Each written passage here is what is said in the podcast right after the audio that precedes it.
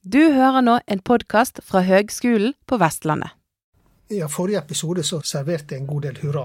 Ja, vi var, vi var jo kjempeoptimistiske. på Ja, ja, ja, ja. Så når du nå slipper meg løs, ja. så tillater jeg meg å være litt mer kritisk, da. Ja, flott. Det var meningen, håper jeg. å si. Ja, og da eh, kan det hende det at det er uberettiget kritisk. Men det får tida vise.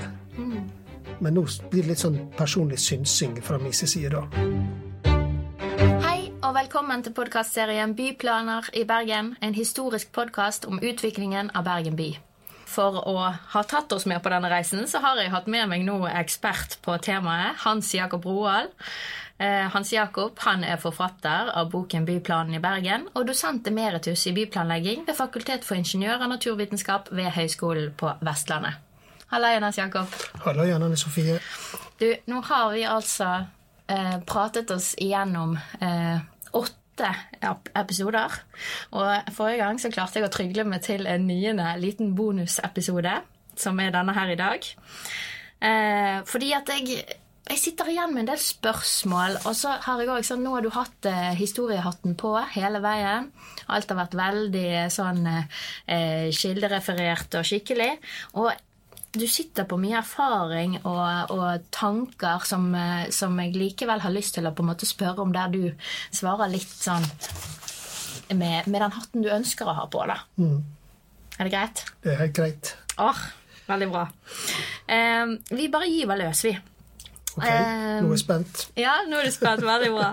Eh, Først så var jeg litt interessert i på en måte, hva er det, liksom Hvis du skal summere opp på en måte det viktigste du vil at, at eh, vi og de som har hørt på, skal sitte igjen med etter denne lange fortellingen og historien, hva er de viktigste funnene? Ja, da hadde jeg lyst til å gå tilbake til da boka ble lansert. eh, fordi at en av flere hjelpere da, som har vært med, var med eh, og ga meg råd underveis. En av dem var da professor eh, Tore Grønli ved Universitetet i Bergen. Ok. Professor i historie. Ja. Og han kommenterte akkurat det du sa der nå, altså spurte om hva det viktigste funnet er. Og det han sa, det var at eh, det er løfta frem som etter hans mening ikke har vært løfta frem eh, tydelig nok da, tidligere, det var det eh, de store utredningene. ja.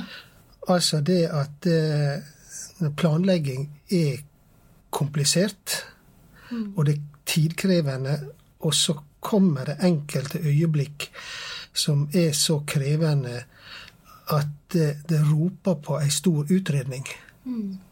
Og den kommer. Eh, og da Det var sånne store utredninger eh, jeg omtaler i boka da, og som på en måte ligger der som sånne kunnskapsbanker og, og får innflytelse på kommende prosjekt over veldig lang tid. Og to sånne som jeg kan nevne, da, det var jo dette med havneplan for Bergen i 1903.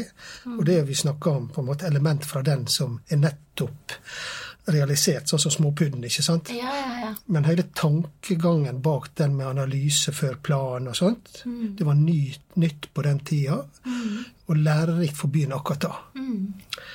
Og da, også da med dette med generalplan for Bergenshalvøyen og Askøy av 1940, mellom, som ble laga mellom 1947 og 1957, den oppdro en hel generasjon med byplanleggere i Bergen. Så selv om ikke resultat det ble liksom umiddelbart resultat, så var det veldig mange som var med på den. ja. Så det er én ting så vi, Og en annen ting som er sånn eh, hoved eh, Det er det at eh, Jeg har hele tida nevnt dette med impulser utenfra. ja, vi har alltid reist litt. Vi har alltid reist litt.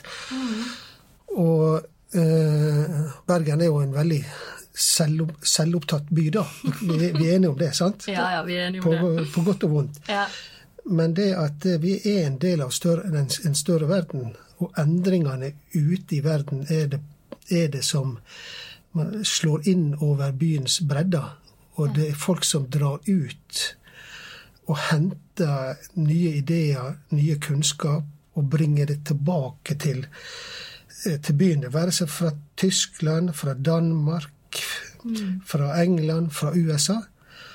Og så tar det ofte en 20 år før disse ideene er blitt modna, eh, og, blir, og får, gir utslag hjemme hos oss. da. Ja.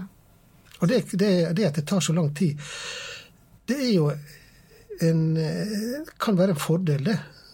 At det, det at bergenserne ofte er litt sånn skeptiske til, til ideer utenfra. For da uh, tar det den modningstida det skal ha. Mm. Ja. Og så er det én ting til da, som Tore Grønli ikke sa, det som er litt sånn kjepphest hos meg. Det. Ja. det er dette å bekjempe etterpåklokskap. Ja. Det hører vi om stadig vekk, at folk sier at nå skal vi gjøre det sånn og sånn. Og de som planla og levde før oss, de forsto ingenting. Mm. Sånn. Det er vi som forstår, det er vi som kan. Eh, litt sånn bråkjekk holdning på vegne av seg sjøl og samtida. Mm. Eh, men eh, hele den reisa vi har vært gjennom nå, den syns jeg viser det at hver generasjon gjør så godt de kan. Mm. Og folk var ikke dummere før. På ingen måte. Det føler jeg vi, vi, vi er virkelig ja. Så jeg syns det at istedenfor å snakke ned fortida, fortidens aktører, så bør vi snakke det opp og lære dem. Mm. Og en plan som jeg har nevnt ofte, det er jo denne planen etter brannen i 1916 for sentrumskjerna. Ja. Som jeg sier, eh, sier igjen Norges beste byplan. Ja. og den var bygd på, basert på et klassisk dannelsesideal. Ikke bare klassisk arkitektur, men et klassisk dannelsesideal. Og det skal jeg komme tilbake til mot slutten. Ok, Spennende, spennende. Men, men ja, jeg har litt spørsmål. Okay. Eh, så nå fyrer jeg løs, og så får du dodge de du vil, og så tar du de du vil. ja, greit. Men, eh, men eh, jeg begynner med, med, siste episoden vår som, eh, som hadde tittel 'Bærekraft'. Mm -hmm. Og da snakket vi jo om ett case spesielt. Vi snakket mye om Damsgårdsundet og området rundt. Mm. Altså begge sider av, av Damsgårdsundet, da. Eh, og når jeg går rundt i det området det er jo masse som er flott der, men i mitt hode så burde liksom hele den planen vært speilvendt. Altså man burde hatt boligområder på solsiden der, egentlig en, en, en utvidelse av Møhlenpris, sant? Mm. som er kanskje, og hvis jeg skal påstå noe, så, tør, så, påstår jeg at det er blant eh, i hvert fall Bergen sentrums beste nabolag. Mm. Mest attraktive nabolag. Eh, men også burde man hatt kontorer på, på skyggesiden. Mm. Eh, bare sånn tanke. Altså jeg vil bare spørre deg. Sånn, så er du enig? Og ikke minst så fikk vi jo høre litt om prosessen forrige gang. Skyldes det bare liksom timing av ulike Altså hvorfor ble det så det ble der? Ja, det jeg håper du hadde lært, Anne Sofie. Det, ikke, det heter ikke bare timing. Nei, det, nei, det er aldri bare. det er aldri bare. Og jeg skal ikke, jeg skal ikke sånn si om jeg er enig eller uenig, men jeg forstår hva du mener. Og det er veldig mange som er enig med det. Mm. Men det som jeg prøver å forklare, da, det er hvorfor det er blitt som det er blitt. Ja. Og det var jo som sagt det at da var det opplevd en, ikke bare i Oslo, men, eh, nei, Bergen, men også i mange, de fleste europeiske havnebyer, ei stor krise. Altså, en mista skipsverftene sine. Og og det, og det ble sto i fare for stor arbeidsledighet. Og mm. da var jo det med, med arbeidsplasser Altså erstatte tapte arbeidsplasser. Det var jobb nummer én. Utfordring eh, nummer én. Ja. Og da var det å finne Skulle en da på, gi avkall på de næringer som var næringsareal, mm. til f.eks. bolig? Eller skulle en tviholde på dem? Og vente og se hva type næring er det som vil komme. Mm. Og da valgte Bergen det siste alternativet. Eh, å prøve å erstatte gamle næringer med nye. Men det, når det er sagt, så gjorde vi i Bergen kommune da et fremstøt mot eh, Næringsdepartementet. Ja, for da var du i Bergen kommune? Da var jeg i Bergen kommune, ja. Ja. Og da hadde vi jo den vellykka prosessen med den planmessige bolig- og miljøfornyelsen. Og da hadde vi redskap til å gå inn i eksisterende eiendomsstrukturer og endre dem. Endre dem. ja. Altså vi hadde både økonomi og juss til å kunne gjøre det. Ja, under byfornyelsen. Under byfornyelsen, ja. Ja. Og da hadde vi akkurat også laga en havneplan.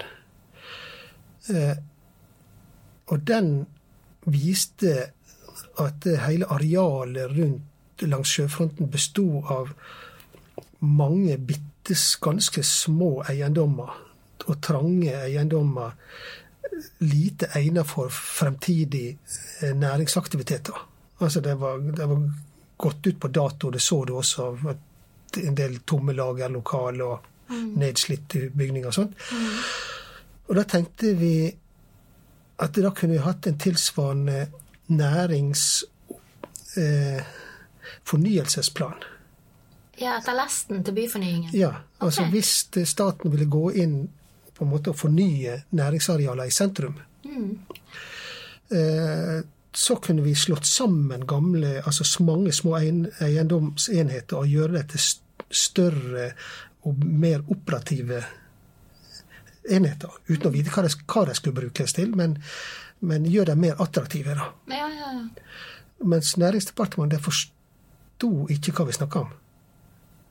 Rett og slett. Nei. Så vi talte for døra over, og de hadde ikke hørt om den planmessige bolig- og miljøfornyelsen. Nokså ofte eh, at det, departementene snakka ikke med hverandre. Nei, nei, nei. Så det ble ikke noe. Men hvis vi hadde fått interesse for det da, Ja. så kunne vi foretatt en sånn rokering som du snakka om. ja, sant, der man kunne flytte litt på så større brikker, da, kanskje. Ja, ja. ja. Men eh, så tanken var ikke fremmed, da, for å si det på den måten. Nei, jeg skjønner. Ja. Men det lot seg altså ikke gjøre, så, så timing var nå i hvert fall en viktig del av det. Men ikke bare. Ja. ok. Men, eh, men eh, så, så snakker vi litt om Vi har jo vært, vært inne på i, i flere episoder faktisk å snakke om at det er trangt i byen. Sant? Noe som førte til denne her eh, kommunesammenslåingen i 1972. Og da sier du at når det er trangt, så blir også, blir også konfliktnivået stort. Og i dag så har vi jo, Da trekker jeg en parallell mellom den tiden før kommunesammenslåingen og i dag. For i dag har vi jo også eh, utfordringer med trang by. sant? Pga. Disse, disse nasjonale strategiene og kommunens strategi om fortetting.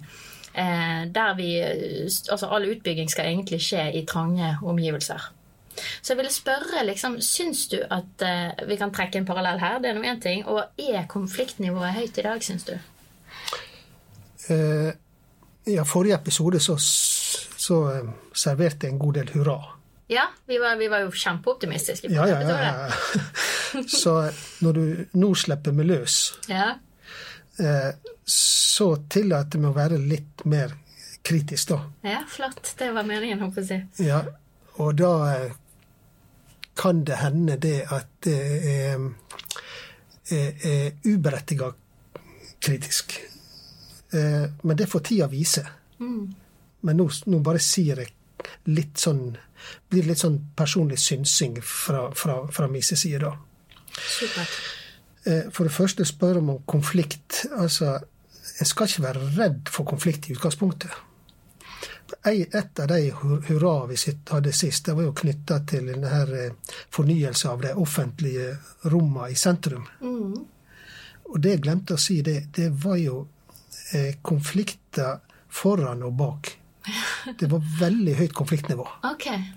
Men konflikt, konfliktnivået var konstruktivt. Ja, for det, det blir jo litt konflikt før man finner felles løsning. Ja, ja, og da spesielt på Torgallmenning så ble jo konfliktnivået så høyt at eh, rådmannen han tilsidesatte sine to, nærm to kommunaldirektører som hadde med den planen å gjøre. Det var, og det var Anders Kvam og jeg som fikk i oppdrag på en måte å lose planen i, i land, da. Oi. Til slutt. Ja. Og da husker jeg at eh, Fagereng, som rådmann heter da, at han sa det, at, eh, og det er skrevet i boka, også, at det, når denne planen er løst, så kommer eh, kom, det byen kommer til å savne, det er jo, det er jo konflikter. For byen elsker sånne bykamper. Ja, ja, ja. Så, eh, så det er ikke farlig med konflikter hvis de bare demonteres på en, på en god måte. Og det er jo et åpent spørsmål om denne her eh, fortettingsstrategien som nå er lansert, om man er for radikal. Det er et åpent spørsmål. Ja. Men han er så ny eh, at det er vanskelig å si. Men jeg legger jo merke til at det er aktører som har vært med og eh, på en måte rigge han da, begynner å se med litt kritiske blikk på resultater. Og vi leser jo også i avisen om folk som blir utsatt for, for denne her fortettinga, da. Eh, men jeg tror det at eh, hvis jeg kan Jeg har jo jobba andre plasser, da. Jeg har jo jobba med en tilsvarende strategi for Oslo kommune. Og da har en I kommuneplans arealdel så har en skilt mellom eh, det du kan kalle for utviklingsområde og konsolideringsområde. ja. Og konsolidering, da ligger det i liksom bevare litt som de er? Ja, litt som det er, men du har likevel lov til å forandre og, og fortette, men innenfor, innenfor begrensa omfang. Men i utviklingsområdet, der sier du entydig 'velkommen'. Ok. Ja. Ja. Invester her. Ja. Det er her vi skal fortette. Ja. Så det er på en måte På kommuneplankartet så det er veldig tydelig. ja. Så de har gjort en sortering av De har gjort en sortering i utgangspunktet, mens i Bergen så har du på en har du disse byfortettingsformålet som ligger over store deler av byen, og samtidig så har du da hensynssonebevaring oppå. Å ja, så her ligger det oppå hverandre, ja. Ja, slik at du I større grad. Ja.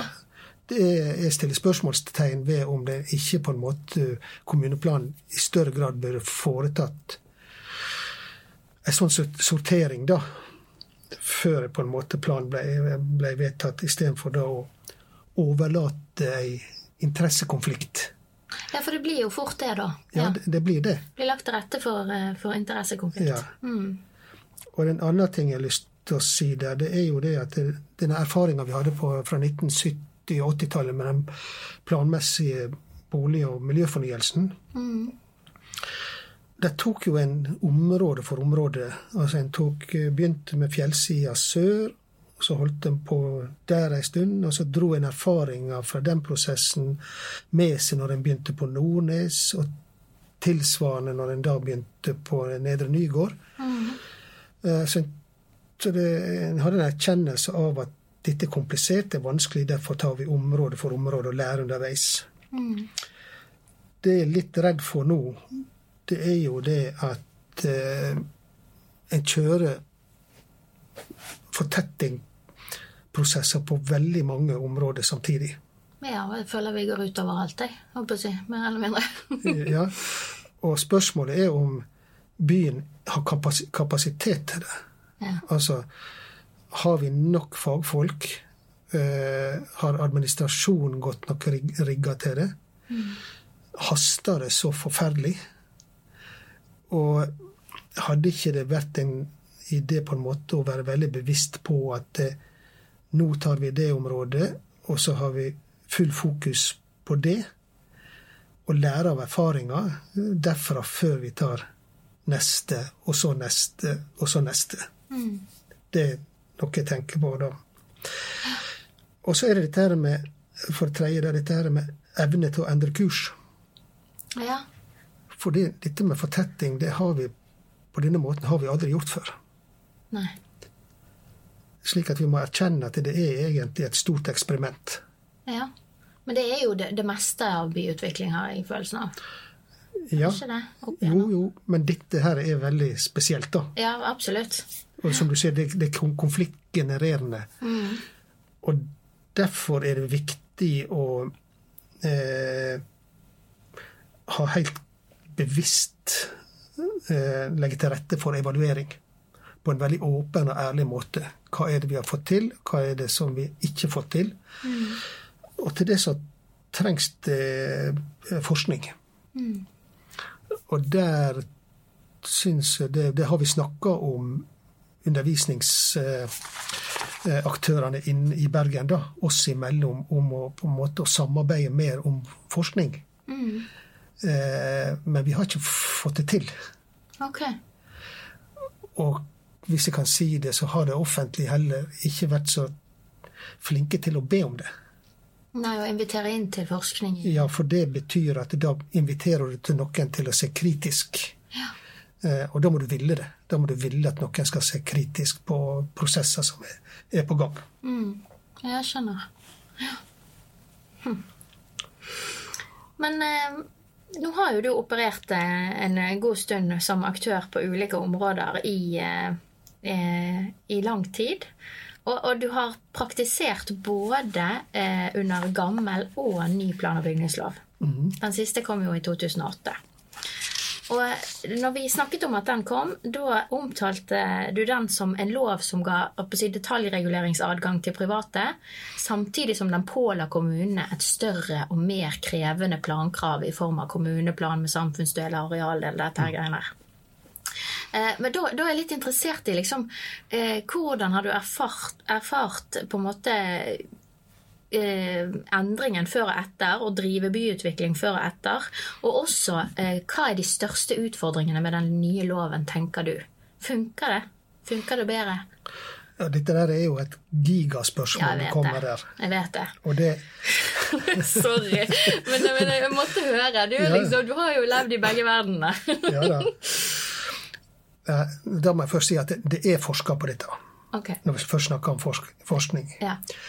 Og det er jo da eh, miljøet rundt eh, Ås-miljøet og Oslo Met, mm -hmm. som da har samarbeida om det. Og det der kan en søke opp på EVA-plan, heter yes. det. Og hvorfor det heter Evaplan, vet ikke. Men det er jo en sånn catchy forkortelse av noen uh, overskrifter, tenker jeg. Absolutt. Så der er det gjort seriøs forskning på akkurat dette her. Mm. Slik at det jeg sier nå, det blir sånn personlig synsing. Flott. Det var ja. det jeg håpet på. Ja. altså, det som jeg registrerer, da, at uh, utgangspunktet for dette her eh, liberale skiftet, eller det du kan kalle um, det var jo å, å bruke det private næringslivet, eller måten de tenker på, som forbilde også for offentlig forvaltning. Med håp om at det skulle bli mer effektivt mm. og gå raskere. Mm. Eh, så, for sånn tenker jo private næringsliv. Og samtidig få til kvalitet. Mm. Men det vi har erfart, det er jo det en veldig sånn Eh, økning, altså offentligheten, øker og øker i volum. Og, og blir mer og mer fragmentert. Og at en vil møte stadig flere krav til utredninger med tilhørende målstyring og rapportering. Mm. Og dette, kom, dette her ønsket kommer ikke fra Kommune-Norge, hvor jeg har vært. Mm. Det kommer fra sentral administrasjon en eller annen plass. Og dette snakker jeg med fagfolk på også med helt andre fag enn planlegging. Mm. Som har lyst til å jobbe, lyst til å, å ja, gjøre gode jobber. Men som blir utmatta av all denne her rapporteringa og denne her på en måte andre type arbeidskrav du blir satt overfor. Mm. Og Et resultat av denne fragmenteringa er jo det at eh, du får fagdisipliner eh, med egne språk, egne metoder, som hegner om sin særegenhet. Mm. Slik at det, skal du være byplansjef i dag, så må du på en måte håndtere, håndtere en stor rekke forskjellige språk og institutt og, og Sånn, og prøve å få det å sy det sammen til en enhet. Og det, det tar tid. Og jeg tror samfunnet egentlig er prega av en plantretthet. Ja, som et resultat av det. Ja. Antall utredninger for en vanlig reguleringsplan den er jo side og side, side opp og side ned. Mm. Hvis jeg kan få lov til å legge, nevne et eksempel, da. Ja, gjerne. Mindemyren er jo da et område som ligger rett ved siden av her på høyskolen. Mm. Et kjempestort område. Nedslitt eh, lager- og industriområde. Eh, og der starta en med planlegginga i 2008. Og det helt klart var behov for forandring. Helt klart. Men den har vært gjenstand for hele tre offentlige med store planprosesser. Og den siste er jo da i, i 2018 i forbindelse med kommuneplans arealdel, hvor forutsetningene blir fortløpende endra. Ja. Etter at private aktører er invitert inn til å kjøpe opp areal og starte detaljplanlegginga. Mm. Sikkert for en pl privat planaktør der nå, så regner en med en fem års planlegging og syv års bygging. Ja. Fem års planlegging, det, det er ganske mye. Eh, og da er det det at hvis jeg skal ta, nevne en sånn endring, da At hele ideen med Mindemyen var jo da en, en sånn sammenhengende bulevard med bybane, gang- sykkelveier, elv i dagen, offentlige plasser. Og, når det begyn- og da kom det, har vi et sånt tema som heter støy. Som er et av mange utredningstema. Ja. Opprinnelig planen så var det eh, denne her um, alleen, da, eller bulevarden, den var da utsatt for, på, for, på eh, kategorisert gult støynivå. Ok. Det betyr at det er greit. Det er greit. okay. Ja, du kan ja. håndtere det. Ja. Men midt i prosessen så kommer en ny utredning som sier at det er rødt støynivå. Oi. Og da endrer du forutsetningene radikalt. Ja, ja, ja. Og det er jo I stedet for å stanse opp da og si at OK, dette her endrer jo hele ideen bak plassen. Hva kan vi gjøre for å få det tilbake til gult? Så kjørte en på. Og noen konsekvensene det ser vi jo da i illustrasjoner på tegninger. Sånt, At det vender fasadene vekk fra altså ryggen til bulevarden. Ja, for av støyhensynet Ja. alene. Og du ser altaner som blir lagt på skyggesida. Ah, Og, og da får du på en måte Du får ikke den dette det samspillet mellom gat, bulevard og, og bebyggelse som du da hadde tenkt. da. Og det, men dette sier det bare som et sånt eksempel på hva måte en sektorinteresse kan trumfe andre. ja. Og da eh, må jeg gå tilbake til liksom, hele ideen bak eh, bolig Altså å bygge boliger. Altså eh, gode boliger i et sunt miljø. Og, vi, og dette er det mange flere enn meg som har påpekt og skrevet om, at nå er vi i ferd med å velge bort sol og grøntområde som den viktigste eh, eh, faktoren for, eh, for gode bomiljø. Ja. For å oppnå bærekraftig utvikling. ja. Det er, et, eh, det er mer enn et tankekors. Ja. Så eh, det, det er på en måte den sektoriserte planlegginga Summen av sektorinteresse ikke sikkert gir en god by. Nei.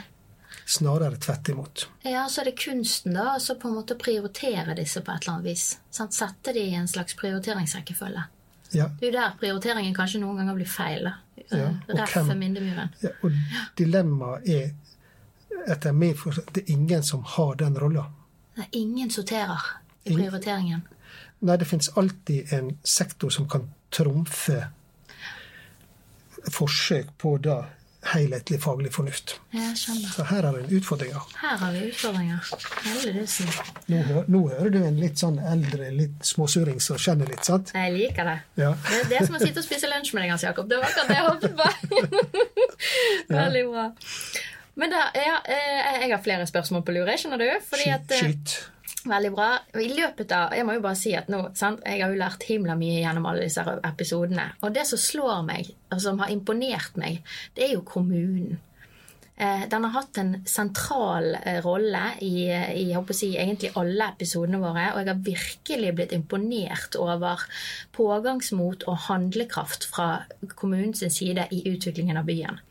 Og så er det to ganger i løpet av, av pratene våre der, altså ved veldig store avgjørelser for byen, eh, der du har pekt på at her var man prisgitt formannskapsmodellen. Eh, og den har vi jo ikke lenger. I 1998 så fikk vi parlamentarismen. Så jeg er litt sånn nysgjerrig på om du kan fortelle litt om formannskapsmodellen. Eh, Si gjerne kort liksom, hva, hva er det kontra parlamentarismen, og hvordan den fungerer ulikt i byutviklingssammenheng. Ja, altså, jeg har jo erfart å operere som planlegger under for, i formannskapsmodellen, og i begrensa grad i denne her byrådsmodellen, Ja. kan du si. Eh, formannskapet er jo da et nivå under bystyret. Og det er satt sammen på en sånn Det er et minibystyre, hvis du kan si, si det sånn. Og det er jo satt sammen til en eh, med sånn eh, tverrpolitisk, slik at alle ideen at alle politiske partier helst skal være representert, da. Men du er representert i forhold til hvor mange du har i, i bystyret. ja. Men da kan du Så det er på mange måter tverrpolitisk på den måten å kunne ta imot og føre diskusjoner eh, som angår hele byen. Og ha hyppigere møter enn bystyret. Det, det er veldig viktig. Altså, for bystyret har ofte sjeld, ganske sjeldent møte. Og jeg nevnte disse her store utredningene. De krever jo på en måte Når de skal realisere, så betyr jo det sånne veldig Kan bety endringer i kurs i byen. Og da er det viktig at byen holder fast ved den endringa i kurs over lang tid. Og tid kan da gå over flere eh, flere valgperioder. Og da er det viktig å på en måte ikke gjøre noe sånn for store hallingkast eh, underveis, og holde fast ved en visjon. F.eks. når en da skulle bygge ut eh, storkommunen Bergen, så måtte en holde fast ved den visjonen jeg hadde for den nye storkommunen. Når en da skulle bygge et nytt eh, kommunikasjonssystem, eh, så måtte Bergen kommune holde fast ved sine prinsipp for hva, en, hva var det en ville, for eksempel. Og, eh, og også da når en da skal gi mandat til et gjennomføringsorgan, sånn som eh, Bergen Tomteselskap og Institutt for byfornying, så må de ha et tydelig mandat. Og da må de ha trygghet for at de har backing, politisk backing, for det som de skal gjøre. Ja. Eh, og da kan en på en måte med, i et formannskap, hvis det oppstår sånn uklarheter, da, gå dit uten å slippe å gå til eh, Gå til by, helt til bystyret. Og et av intervjuene som jeg gjorde i forbindelse med skriving av byboka, var jo da min tidligere kommunaldirektør Gjert Atle Gundersen. Det var han som understrekte dette her, at det, enigheten var ofte ganske Tverrpolitiske enigheten var ganske stor i formannskapet. Da hadde en byens beste på en måte for øye Ja. he hele veien, da. Ja. Ja, for det var det som var mistanken min. At nå, nå er liksom ikke et vedtak et vedtak engang. Eller det kan omgjøres. Sant? Det kan skifte med vindene i, i politikken. Så handlekraften til et formannskap er litt sånn Eller det, det var litt mer sånn tryggere og en, en, en enhetlig kommune, da. Ja. I større grad. Ja, jeg, jeg jobba jo også en stund i Fjell kommune, og de var jo gjennom veldig store utfordringer. Altså, de skulle bygge et nytt eh, samband, Sotrasambandet, og skulle bygge en ny by. Ja. Og de, for å greie det, så på gjenoppliva de formannskapet. De gjorde det, ja. Ja. Så det er noe i mine mistanker. Ja da. Ja. Altså der, for å på en måte å For da kunne utbyggere, Statens vegvesen, sånn, få på en måte den tryggheten fra et formannskapsvedtak underveis i prosessen før du måtte gå til bystyret og få eh, få liksom endelig sanksjonert. Altså Disse komiteene som du ofte har, de ble, de ble ofte litt upålitelige. Det var litt sterkt sagt, men du kunne risikere at det, du fikk ei mer representativ altså, eh, holdning i formannskapet enn i- en komité, for å si det på den måten. Og jeg skjønner, der, der fikk jeg klarert eh, den der. Eh, og så eh, eller, tenkte jeg på en ting til. For eh, vi hadde jo i denne her episoden om storkommunen, så snakket vi om, eh, om utviklingen av Åsane. Og den ble jo gjort av private. Altså det var et foretak som gjorde det, og dermed var det profittdrevet. Noe som vi da liksom Ja, det var jo kanskje litt uheldig og sånn. Og så skjedde det jo òg ting i, i prosessen der ute som gjorde at resultatet kanskje kunne vært bedre. Da tenker jeg på dette med trafikk og bil og sånn. Men men det som jeg var nysgjerrig på, det var jo at i dag så kan vi kanskje se en litt sånn tilsvarende eh, privat byutvikling da, i gåseøyne rundt lagunen. Eh, der det er på en måte markedskreftene som utvikler en bydel med handelssenter som egentlig opprinnelig funksjon, og så bygges det nå ut med gater og torg og det skal nå bygges boliger, og alt dette gjøres på en måte av, av eh, private initiativ, på en måte, eller eh, Ja. Eh, så kan man si ja, Hvilke konsekvenser for dette her? Det har vært litt diskusjon i media, da, så det derfor fanget det litt opp og tenkte på Åsane som sånn referanse. Eh, Men det har vært litt diskusjon i forhold til sant, hvilken rett har folk flest til et eh, offentlig torg, eh, pri privateid osv. Og, og, og samtidig så tenker jeg jo at det må jo være positivt at private markedskrefter bidrar med penger til utvikling i så stor skala. Altså, Er dette problematisk, eller hva, tenk, hva tenker du om det som jeg sier? Ja, problematisk er jo forbokstaven. altså det, det er ekstremt krevende. Ja. Og dette, og det er veldig Utgangspunktet er veldig positivt. Ja. At en skal prøve å på en måte å bli kvitt disse her ensidige kjøpesentra. Og så bygge dem om til byer. Og da har jo de veldig ulike fysiske utgangspunkt. Og det, det kan hende at det de endringene som må gjøres for å få til et godt bymiljø, de vil være omfattende og veldig kostbare. Eh, slik at en må da eh, stimulere eierne til å være med på en sånn eh, prosess, og ville det. ja. Og de må tjene penger på det. Ja, det må de jo. Ja, Det, og det, det er jo de som skal bygge og ikke minst drive det i, i, i etterkant. Eh, jeg kjenner jo da, som du nevnte, til eh, vagt det som har skjedd i Åsane, og også vagt det som har skjedd i Lagun, men litt bedre det som har skjedd ute i, på Straume, da, på det kjøpesenteret som, som er der, da. Eh, mitt inntrykk, og nå bare sier jeg inntrykk, da. Ja, ja, ja. Når du sier Strau, da er vi på Sartor senter. Sartor senter, ja. Yes. ja. Okay. Ja. Stort nok. Stort nok, absolutt. Ja. Og det mitt inntrykk var at det som skjedde eh, ute i Åsane, så var det seriøse og gode planer for å på en måte oppgradere det opprinnelige Åsane senter. eh, lage det flerfunksjonelt, lage plasser, lage, supplere det med boliger. Altså det var laga en, en god byplan. Ja. Men så kom eh, et nytt kjøpesenter ved siden av. Hor Horisont, Horisont, ja. som hadde denne miksen med boliger og eh, Boliger og butikker. Ja. Og offentlige plasser. Og det var ikke noe galt i, med det i seg sjøl. Men det, det tok kanskje litt av vekstkrafta fra det gamle senteret. Det gamle senterområdet. For de måtte ha på en måte et overskudd.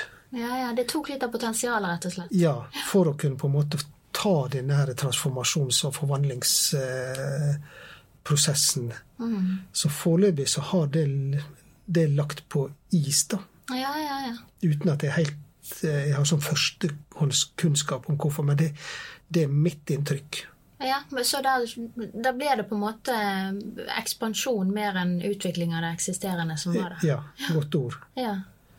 Eh, når det gjelder eh, lagun, da, så er jo det veldig tidlig i prosessen og kjempestort og eh, veldig krevende. Mm. krevende. Og det er såpass tidlig at jeg syns det er galt å felle noe sånn dom på det da.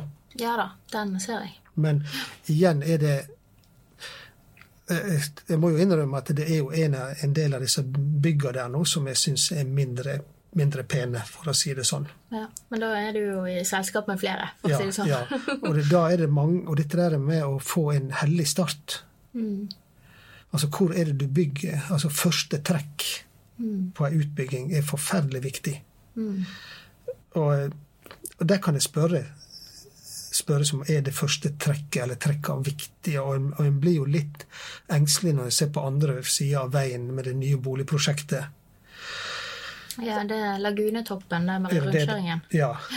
Det er jo brukt i faglitteraturen mm, nasjonalt som et eksempel på, på en, eh, negative effekter av fortetting. Ok, det er det, ja. Ja, og det er veldig uheldig.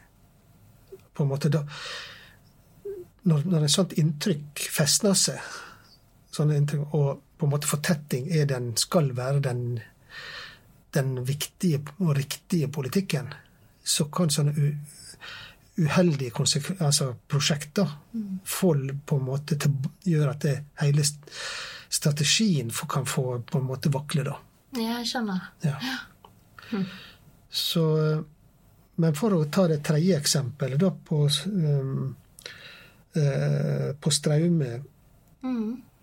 så var jo det store forskjellen var jo det at eh, mellom Bergen og, eh, og Fjell kommune er at du hadde ett kjøpesenter, og du hadde ett en med, og én utbygger, da, eller eier på Eller aktør på Sartor, som greide å forene alle aktørene og eierne og tale på vegne av dem. Ja. Slik at kommuner kunne forholde seg til én aktør. Å ja. Da blir jo det sikkert litt lettere. Ja, og det var den ene, det ene kjøpesenteret, mens, mens i Bergen hadde du mange. Ja, ja, ja. Sånn. Og da gikk rådmannen personlig inn og på en måte førte en dialog med ja, Han het Ernst Einarsen, som var da altså, Og denne dialogen der, den var veldig spennende å følge med på. For det var akkurat sånn som vi snakka om på, på fornyelse av det tett, eh, offentlige rommet. Det var ganske konfliktfylt. Og de interessene sto mot hverandre. Og, eh, men sakte, men sikkert kom en frem til en felles visjon, da. Og resultatet av det var jo det at eh, kommunene jobba jo for at de skulle få et skikkelig og stort parkeringsanlegg under senteret. Eh, kommuner jobba jo da for å unngå at det skulle komme konkurrerende eh, kjøpesenter, mot at Sarto senter leverte det kommuner ønska. Og der ble da første byggetrinn det ble jo da en offentlig plass av høy kvalitet. ja. Altså, så Da inviterte de til en internasjonal arkitektkonkurranse. Oi. Og hadde det som, og, la, og da gikk det prestisje i det. Mm. At eh, Da ville de vise seg. Og å lage et, et, byområde som ble på en måte et vi-område. Mm. Altså Det ble ikke kommuner sitt område, det ble ikke Sarto Senter sitt område eller Ernst Einarsen sitt område, men det ble, det ble hele kommuner sitt senter. Altså du fikk den der vi- og byfølelsen. Ja, ja. Og neste var at eh, at en stilte krav om det skal bygges så og så mange boliger før en fikk lov til å utvide handelen. ja så man kjørte liksom litt hardere rekkefølgekrav. Ja. Ja. Ja. Og det etter syv Altså etter ti år, da, så var jo fra første skissene ble laga, så var åpning av første byggetrinn, og det fikk jo da bolig og, den nasjonale bolig- og byplanprisen. Se der. Ja. Hallais. Det kunne pressen i Bergen ha kosta på seg å omtale litt, syns Ja, vet du hva, det er helt sant. Ja. Ja. Navlebeskuende bergenser- bergensere, vet Ja. du. Skal ikke lenger enn til Sotra, så har vi mistet helt fokus. men, eh, men ja, sist, men ikke minst, Hans Jakob. Eh, eh, nå også uten filter. Hvis okay. du skulle si din mening om det som skjer i byutvikling i Bergen i dag, altså, går det bra, syns du? Hva bør vi fokusere på og bli bedre på? Eh, Jeg har jo sagt mye allerede. Ja da, det har du. Ja. Men jeg tenkte sånn helt sånn avslutningsvis. Ja. Hva, hvilke momenter vil du dra fram? Ja, altså Da kommer jeg tilbake til dette her med bærekraft. da. Ja, vi må jo det. Ja. Og det er komplisert. Ja da. Jeg syns- og der er det Noe som gjør det komplisert, det er, det er at det er så mange sterke stemmer. Det er så mange som hiver på seg dette, og det er vanskelig å skille mellom uekte og uekte eh, eh, profeter. Og dette med grønnvasking er jo blitt et begrep. Altså det, gått, det har gått inflasjon i begrepet bærekraft og grønt skifte, og alle hiver seg på. Mm. Det som, og nå, jeg, nå sier jeg bare hva jeg syns er vanskelig Yeah. rett og slett. Og det er jo dette her med forholdet til CO2-utslipp i atmosfæren. Jeg tror det er brei enighet i dag om at eh, klimaendringene er menneskeskapt. Altså det, det er tverrpolitisk, eh, det er, det er nasjonal enighet om det, det er internasjonal eh, enighet om det. Men utfordringene ligger i eh, hva skal vi gjøre med det? Altså, hva, er, hva er mulig, og hva er nødvendig? Og hva, er, hva virker, og hva er symbol? Det blir mer sånn symbolpolitikk. Og der registrerer jeg jo da at stortingsrepresentanter overgår hverandre med oss med måltall. Så som store redaksjoner innen da og da. Veldig fort. Altså, eh, og jeg har litt problemer med å henge med i svingene. Eh, jeg jobber jo da med, på et sånt nordisk FN-kontor, da, som, hvor eh, mellom 1997 og år 2000 Som jobber da med både med bærekraft og, eh, og kulturminnevern. Og da ble jeg veldig imponert over holdninga til svenskene. Å ja. Nå, jeg, nå hørte hørte jeg Nå generaliserer jeg. Ja, ja. Veldig sånn. Eh, og de var veldig eh, grundige i sine utredninger, noe de er kjent for. Men også på en måte husk, glem aldri det de sa. Ja, dette med første stega er viktige. Mange små steg. Og det å få med seg flokken sin. Mm. Få med seg alle. Og jeg husker det var en som han advarte mot, eh, mot utopister som tok for store sprang uten det igjen å ha med seg flokken sin. Det, det kunne fort bli ett skritt frem og to skritt eh, tilbake. ja. Og da har jeg lyst til å nevne en sånn en masteroppgave, da. Ja. Som er skrevet her på, eh, på høyskolen, da. Av Birkeland og Bostrøm. Som har studert det med vindkraftverk. Å ja.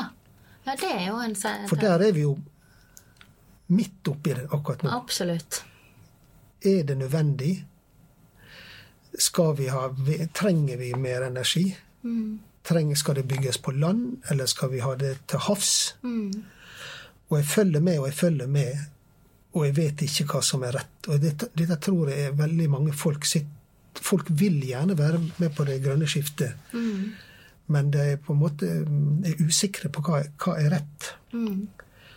Og det de eh, Birkeland og Bostrøm studerte, da var jo denne utredninga som NVE gjorde om vindkraft på land. Mm. Men det de registrerte da, det var, det var store sprik i utredninga. Altså du hadde bransjen og interesse, altså miljøorganisasjonene, de var jo enige på ene sida. Okay. Men så hadde du kommunene på andre sida som ikke var enige. Oh, ja. Kommune-Norge, der det skulle bygges, var ikke tatt med tilstrekkelig på råd. Oh. Og i stedet for liksom å få dem med i skikkelig sånn medvirkning, Mm. så fremma en strategien. Mm. Uten at kommunen hadde eierskap til det. Ja, skjønner. Og det ser vi jo effektene av i dag. Ja. Nå er på en måte dette her eh, eh, eh, Vindmøller på land kommet i en form for miskreditt. Mm. Og folk spør seg sant, Du har kommet frem til dette her, en situasjon hvor noe må ofres. Mm. Altså skal vi ofre natur? Skal vi ofre et nabolag på, på klima sin, klimakampen sin endring? Og det er sånne umulige Ja, er dilemmaer å stille folk overfor, da. Absolutt. Ja. Mm. Ja, andre tanker? Tja, jeg kan jo bare si kort to ting da, som jeg har sånne eh, Sånne kjepphester, da. Det, det er dette med sentrum. Ja, Jeg er bekymra for sentrum. er du det? Ja. Åh, hvorfor? Jeg tror vi har gått for langt. Med hva da? Eh, Dette her med på en måte å, eh, å eh, redusere tilgjengeligheten til sentrum. Med trafikk, altså? Ja, jeg sa, sist så sa jeg jo hurra, da. Ja, ja. på, på akkurat denne her med satsinga, miljøløft. Og det var veldig mye fordi at det, strategien virka. Det er alltid kjekt for en planlegger å si at det er en kjapp. Men jeg er redd for vi, altså vi ser jo så tydelig på butikkdøden i sentrum. Mm. Eh, og det er jo Handel er jo en av de tre konstituerende kreftene og egenskapene ved Bergen sentrum. Og hvis det går over til på en måte en, en boligby, et sted å være, og hvor eh, på en måte de som bor der eh, eh, Det er også kalt Rika Florida kaller det den, den kreative klassen. Mm. At de vil ha byen og dens- institusjoner for seg sjøl. Ja. Da utvikler byen seg til en landsby. Ja. Eh, og der har jeg jo vært på tur i byen Gent i Belgia, som er verdensarvby, middelalderby, og ingen synlig butikkdød av det jeg kunne se. Og det er gjennomført en beherska trafikksanering. Og hvor byens vrimmel så kan da gående, syklende, kjørende bevege seg om hverandre. Og de har bybane Mm. uten noe alarm. Ja. Og, og det, det at du beveger deg om hverandre på en kultivert vis, Ja. det tror jeg noen av hver kunne hatt godt av en, en, en studietur til, til Gent. Okay. Måten de har fått, fått det til på, da. ja. Men, eh, men eh, alt håp er ikke ute for sentrum, håper jeg. Hvis vi skal konkludere på akkurat den der. Nei, men det begynner kanskje å nærme seg ei, ei smertegrense. Men her er jeg klar over at det er mange uenige med meg. Okay. Sånn. Ja. Og hvis jeg skal nevne en ting til, da, Ja. før vi nærmer oss eh, på en sånn, eh, en sånn oppsummering, Ja. eller avslutning, da, Ja. det var jo det at eh, en gang så bygde vi institusjoner som små byer. Du hadde universitet som campuser. Ja. Du ser det oppe på, på høyden da. Mm. Og Haukeland sykehus var en gang også sånn enkeltbygg med avstander imellom. Mm. og spesielt med sykehusa, det var jo det at da, hadde du ett bygg for hver smitte. Ja. Så smitten skulle isoleres der og der og der. Mm. Men nå har vi på en måte Noen bestemte seg for at smittenes tid er forbi. Og så, får, så driver vi nå og, og skal bygge sånne kjempestore sykehus. Mm. F.eks. Molde og Kristiansund kan ikke ha hvert sitt sykehus. De må ha ett Mm. mellom ett et felles, da. Ja. Og der finner du ut at for å, eh, at ingen skal bli forfordelt, så legger de det midt imellom, stikk i strid med de rikspolitiske retningslinjene for eh, samordna areal- og transportplanlegging. Ja.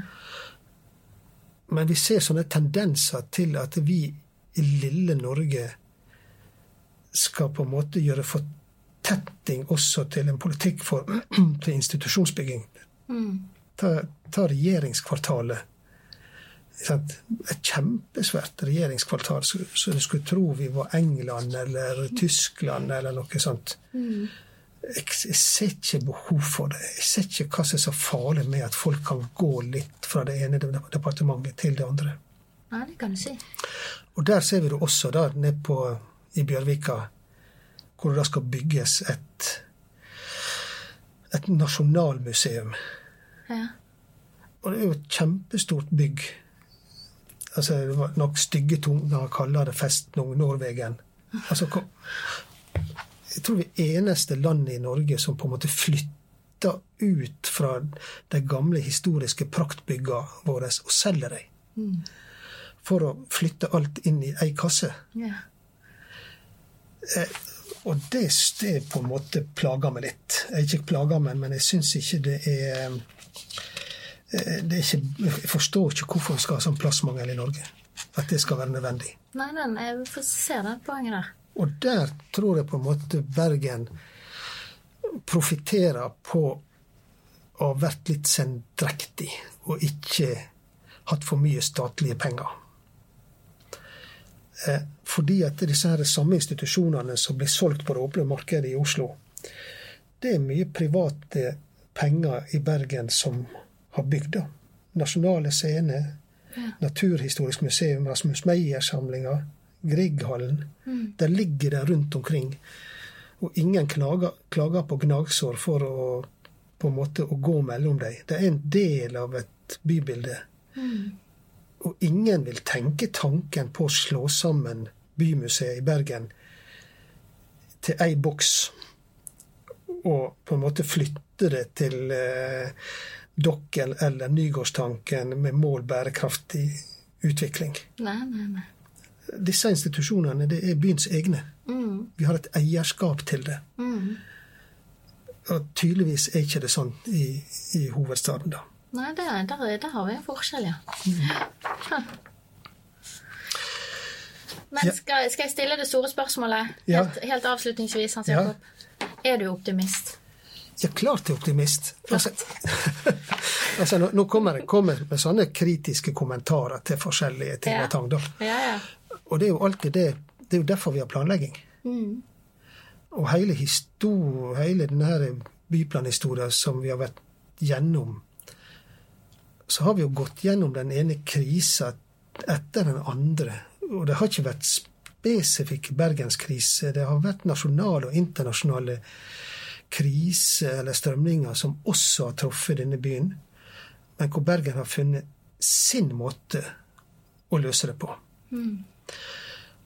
Og når vi nå snakker om dette med, med klimaendringer og bærekraft, så er jeg overbevist om at vi skal også løse dette. Helt overbevist. Og det fins altfor mange som på en måte er sånne eh, Krisemaksimører var et dårlig ord. Den som spiller sammen med pressen for å gjøre folk unødig engstelige. Og da med unødig mener jeg unødig. ja. Og det fins en del faglitteratur som peker på dette, om at utviklinga i verden går mye bedre enn hva vi får inntrykk av når vi leser aviser. Eh, og blant annet en bok som heter 'Utopi for realister', som liner opp hva måte det går bra Ja. i verden. Ja. Men klimautfordringa er reell. Er reell og vanskelig. Ja. Men det for, i min levetid da, så har jeg jo hatt uh, dette her med sur nedbør. Altså svovel i, eh, som på en måte har truffet landet, da. Og, og på en måte ført til fiskedød. Det er vi kvitt. Ja. Vi hadde dette her med ozorhull i ozonlaget. Ja. Hvor når du skulle på påsketur, vet du, så hadde du på så mye solkrem vet du, at du, du var jo livredd.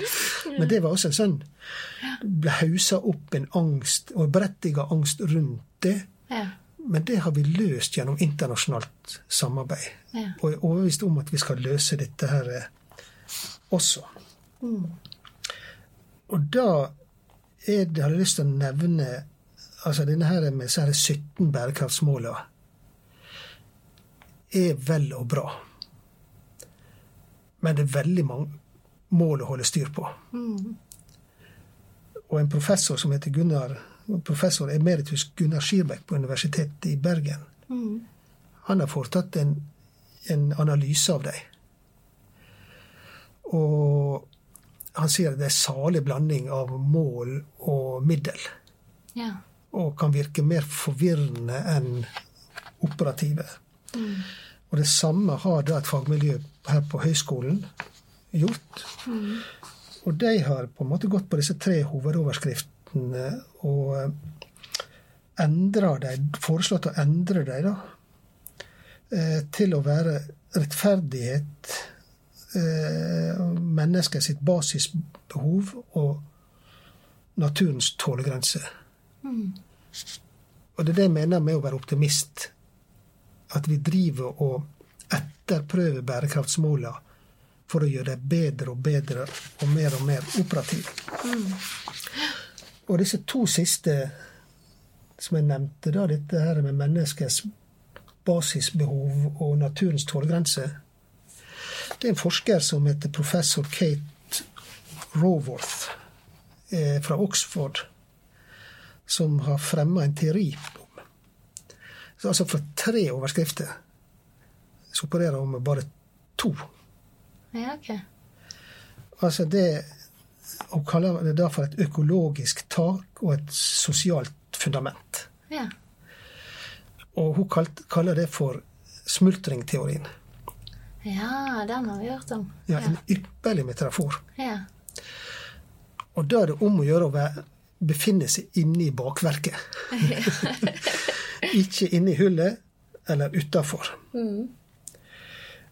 Og det indre sirkelen, da grensa, det kaller Og det er da det med Det er da det sosiale fundamentet. Altså er du innafor der, så er du på sultstadiet. Der skal ikke noe land være. Er du utafor, så belaster du verdens økologiske tålegrense. Og der bør du heller ikke være. Så hun har greid på en måte å lage et veldig enkelt bilde, og så er det sektorer da. I smultringen. I smultringen. Ja, jeg skjønner. Og da har hun på en måte pekt på et land som Malawi, som da nesten hele landet er innafor. Altså det er, I det der er i nød. Og de er i nød? De er innenfor? Ja, skjønner. Ja, ja. Mens Norge, sorry to say, vi er godt utafor. Ja, det vil jeg tro. Vi er på en måte, Det er én sektor vi, er, vi på en måte er på plass, og det er vår forvaltning av ferskvann. Utover det så er vi gjennom vårt forbruk og vår oljepolitikk så er vi en av de landene i verden som medfører for stor eh, belastning på tilgjengelige naturressurser. Så det, det må vi bare ta inn over oss. Ja, det må vi. Men, men jeg håper jeg, eh, jeg likte at du, på tross av, av en litt sånn alvorspreget avslutning, så er du optimist. Ja da, og da må jeg føye til at byen Amsterdam Ja? de har adoptert denne smultring. Å ja. For vi begynte jo da å snakke om i, sånn, I dansketida så var jo det da at du hadde Vi importerte jo da kompetanse fra Nederland via Danmark. Og nå møter vi det igjen. Ja. Så de har da bestemt seg for da innen 2030 å bruke denne modellen. ja. Så skal de halvere forbruket av ikke-fornybare råmaterialer. Fantastisk. Og det kan måles helt konkret. Ja, det er jo det der. Målbarhet. Ja. Og så frem til det så skal det årlige mål. Oi. Da snakker vi. Dette, I dette året her så skal vi oppnå det og det. Ja. Og da skal de årlige målene være sånn at de er sikre på at de har med seg flokken. Ja. De skal være realistiske, Ja. og ikke sånne eh, tenk på et tall-konkurranse. Nei, nei, nei. Sånn. Og så har det også et veldig hårete mål etter 2030, rett og slett i 2050. Ja. Da skal de ha innført eh, det de, det de kaller for sirkulær økonomi. Ja. Og så kan du spørre meg hva er det? Ja, hva er det, Hans Jakob? Og da sier jeg det vet jeg ikke. Nei. Og hvis jeg spør deg i, i Nederland Ja. og Kate Rowling, Raworth, hva er det, så svarer de vi vet ikke. Og det syns jeg er så flott. At de setter, erkjenner at det, skal vi nå reell bærekraft, skal vi nå reell økologisk balanse, så trenger vi en helt annen økonomi enn det vi har i dag. Og hva måte den økonomien skal organiseres og fungere på, det vet vi rett og slett ikke. Men det skal vi finne ut underveis gjennom å gå alle disse her små steg for steg, år for år, eh, sammen. Ja. Jeg tenker at dere unge dere lever i en veldig spennende tid. Altså, vi er midt inne i det grønne skiftet. Startskudd gikk omtrent for 40 år siden med Brundtland-kommisjonen. Ja. Denne gjennomgangen har vist at mål og middel for hva som er bærekraftig utvikling, har endra seg underveis. Og slik vil det fortsette. Videre er det så vanskelig å skille mellom sanne og falske profeter. Men desto viktigere er det med uredde diskusjoner og med prøving og feiling. Og den er, må dere være med i. Men hovedmålet er tydelig en bærekraftig klode og en mer rettferdig verden. Og til det trenger vi, som nevnt, en ny økonomi, og den vil bli veldig krevende å få på plass. Men det blir spennende for dere å være med på. Ja. Jeg har ofte nevnt de store endringene sånn rundt eh, 1850 har vist til maskinalderen, som kom med dunder og brak, og at dette var det eneste skillet som vi har funnet som så langt eh, kvalifiserer til betegnelsen et paradigmeskifte. Jeg tror bestemt at det grønne skiftet kan bli det neste dype paradigmeskiftet. Men én stor forskjell mellom fremveksten av maskinalderen og det grønne skiftet er at nødvendigheten av det grønne skiftet erkjennes og drives frem av demokratiske prosesser. Altså av selveste verdenssamfunnet. I 1850 var ikke det snakk om noe FN. Det har vi i dag. Og vi har, vi har jo klimaavtaler og klimavedtak. Og vi har 17 bærekraftmål. Altså, dere som hører på dette, dere er en del av en spennende og kjempeviktig prosess. Helt til slutt, i denne gjennomgangen så har jeg løfta frem mange eldre planer. Og ikke minst tankene bak dem. Jeg har prøvd å vise at bak de virkelig store og viktige planene så lå det grundige og solide analyse. Altså, det finnes ingen quick fix. Jeg har også vist at relevant kunnskap ofte har kommet seilende fra andre land, og ofte har det tatt lang tid før den kunne bli anvendbar hos oss. Det er ofte vist at det, det, det har tatt omtrent 30 år før at kunnskapen er blitt moden, slik at vi kan anvende den på vår by, i vårt landskap. Og Derfor er det viktig å ha et våkent blikk utenfor byen og landet sine grenser. Men her må jeg innrømme, her har Bergen en utfordring. Litt for ofte så har byen eh, lukka seg for det som skjer der ute. Ja. Men noen ganger så har det oppstått lykkelige samspill mellom internasjonale ideer, et inspirerende landskap og lokalt engasjement. Jeg har nevnt om igjen og om igjen denne her planen etter 1916-brannen. Og også eh, tenker jeg at denne fornyelsen av de offentlige rommene i Bergen sentrum sånn rundt 1990 er et glimrende eksempel på godt samspill mellom internasjonale ideer og lokalt engasjement. Men den første og kanskje mest imponerende eksempelet på åpenhet ut mot verden, det var da kong Magnus Lagerbart importerte sin land- og by bylov i 1274. Og den henta han helt fra Castilla i Spania. Og den loven var så god at han sto ved lag i hele 400 år. Ja. Og når vi først driver og går langt tilbake i tid, så bringer det oss tilbake til hele utgangspunktet for hele serien. Altså, vi starta med et eh, 950-årsjubileum, byjubileum, og verdien av gammel kunnskap. Og når vi først eh, beveger oss bak i tid, så kan vi ta eh, skal vi koste på oss et skikkelig langt sprang. Ut av Bergen, ut av Norge. Og vi kan like godt hoppe helt til Roma, til ca. 100 år før Kristus. Da skrev en mann som het Marcus Vitruvius, hele ti bøker om arkitektur.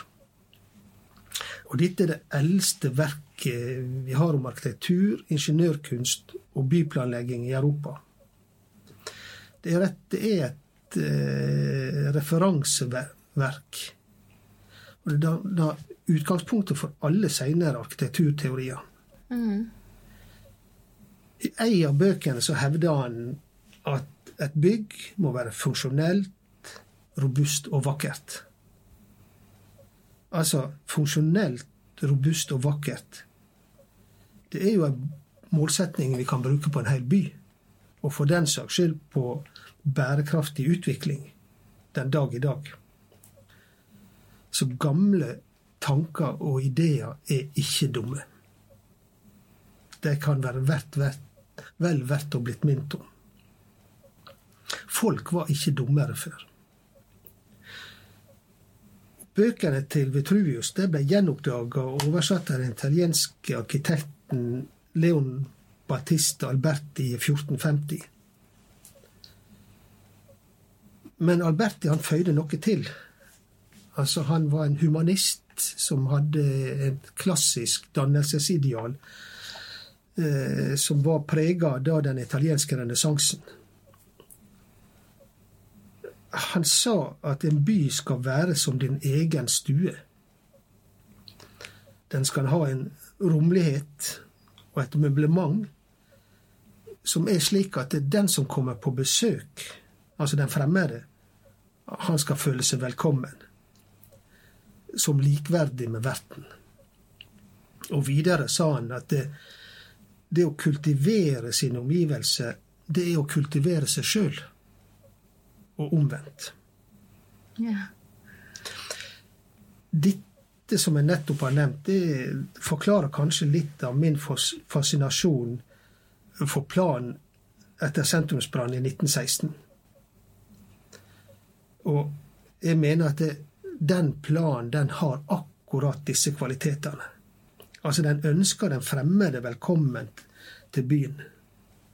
De offentlige rommene er såpass romslige at eh, du vet ikke hvem som er lokal, og hvem som er på besøk. Alle er velkommen. Og videre så makter den å, å kombinere det estetiske og funksjonelle i stor skala uten påtrengende individualistisk arkitektur som vi finner så altfor mye av i dag. Og jeg er overbevist om at klassisk dannelse var en del av utdanninga til de, til arkitektene bak denne planen.